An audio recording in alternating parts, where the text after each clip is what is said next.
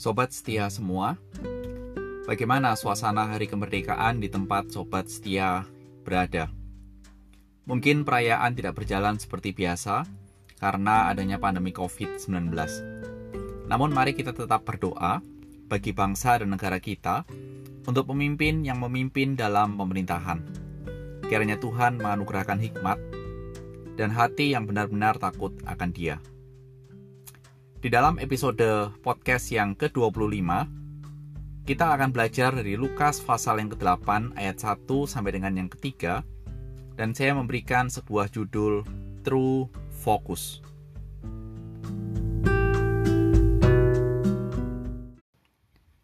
Tidak lama sesudah itu Yesus berjalan berkeliling dari kota ke kota dan dari desa ke desa memberitakan Injil Kerajaan Allah kedua belas muridnya bersama-sama dengan dia, dan juga beberapa orang perempuan yang telah disembuhkan dari roh-roh jahat atau berbagai penyakit, yaitu Maria yang disebut Magdalena, yang telah dibebaskan dari tujuh roh jahat, Yohana istri Kusa, bendahara Herodes, Susana, dan banyak perempuan lain.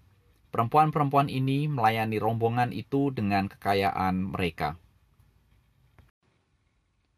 Mari kita berdoa. Bapak kami yang kami kenal dalam nama Tuhan Yesus, terima kasih untuk firman Tuhan yang boleh kami baca. Kiranya kebenaran firman-Mu mengingatkan kami untuk hidup sesuai dengan ajaran-Mu. Demi Tuhan Yesus, amin.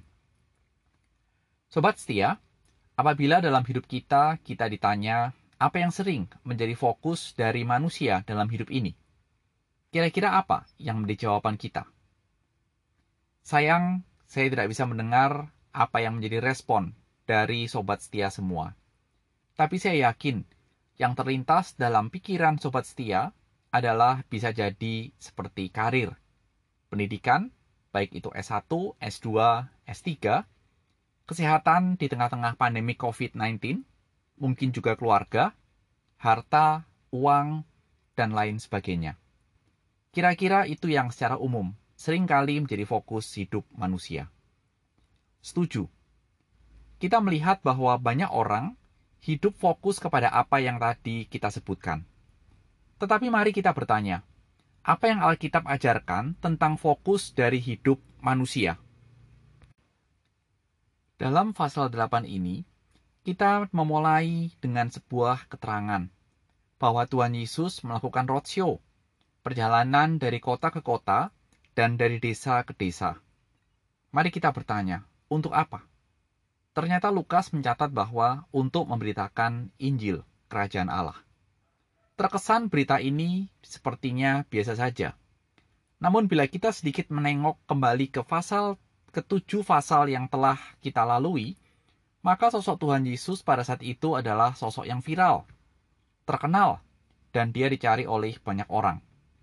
Bila saat ini ada sosok yang seperti itu, mungkin kita pun akan mencari orang seperti Tuhan Yesus. Untuk apa? Untuk bertemu, mendapatkan kesembuhan dari berbagai macam penyakit yang ada. Dan kita tidak perlu lagi untuk pergi ke dokter.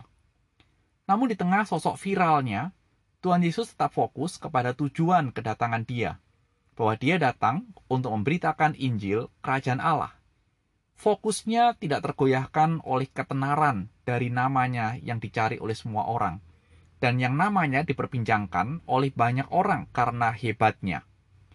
Dan dalam pelayanannya, Lukas juga mencatat ada 12 orang yang ikut bersama dengan dia, serta ada sosok yang disebut oleh Lukas.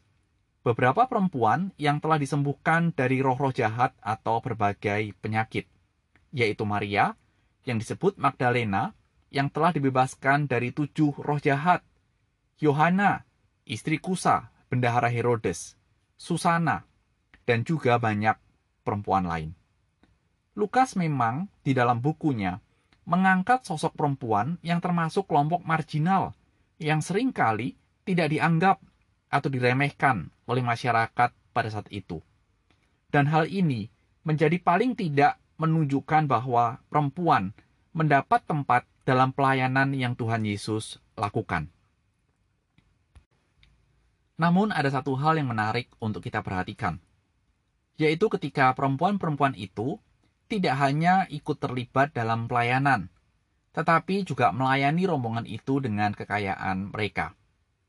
Kalau kita bertanya, siapa saja yang melayani dengan kekayaan mereka, kita tidak bisa menjawab, karena kita tidak tahu detail siapa saja yang melayani dengan kekayaannya. Tapi yang pasti, ada istri bendahara Herodes yang terlibat di situ, yang tentunya bisa ditebak bahwa dia salah satu yang memiliki kekayaan. Bagian ini bukan mendorong kita untuk menjadi orang yang berambisi menjadi kaya. Tetapi kita bisa melihat setelah mereka mengenal Tuhan, mereka menyadari bahwa kekayaan yang mereka miliki dipergunakan untuk melayani rombongan Tuhan Yesus. Dan kalau kita bertanya, sebelumnya dipergunakan untuk apa? Tidak tahu. Karena Lukas tidak menginformasikan hal itu kepada kita. Tapi mari kita lihat dalam pasal-pasal berikutnya. Kita loncat ke pasal 12. Kita bisa menemukan bahwa ada orang yang kaya yang menggantungkan hidupnya pada kekayaan. Itu Lukas 12. Dan di Lukas 16 juga tercatat, ada orang kaya yang bersukaria dalam kemewahannya. Bahasa saya, bahasa kita sehari-hari adalah pesta teruslah. Kira-kira seperti itu kondisinya. Sobat setia semua, ada yang ingin saya angkat untuk kita pikirkan dan renungkan. Bahwa banyak dari manusia yang fokus hidupnya adalah ingin menjadi kaya dan mengejar kekayaan. Supaya apa? Mungkin supaya hidup bebas dari keterbatasan. Lihat Lazarus dalam Lukas 16 yang borokan dan untuk makan saja menunggu remah-remah yang jatuh. Siapa yang mau hidup seperti itu? Tidak ada. Benar, saya pun setuju. Tidak ada orang yang mau hidup dalam segala keterbatasan dan kemiskinan seperti itu. Namun coba jawab dan renungkan. Bila kita benar-benar menjadi kaya, kira-kira hidup kita seperti apa? Hmm, ada begitu banyak kemungkinan yang terjadi. Mari kita belajar dari bagian ini. Bahwa Tuhan Yesus dan rombongannya menyadari bahwa fokus hidup yang benar bukan untuk sebuah ketenaran atau kekayaan. Tapi fokus hidup yang benar adalah memberitakan Injil Kerajaan Allah, supaya didengar oleh banyak orang. Dan karenanya, kekayaan yang perempuan-perempuan itu miliki dipergunakan untuk mendukung pelayanan Tuhan Yesus.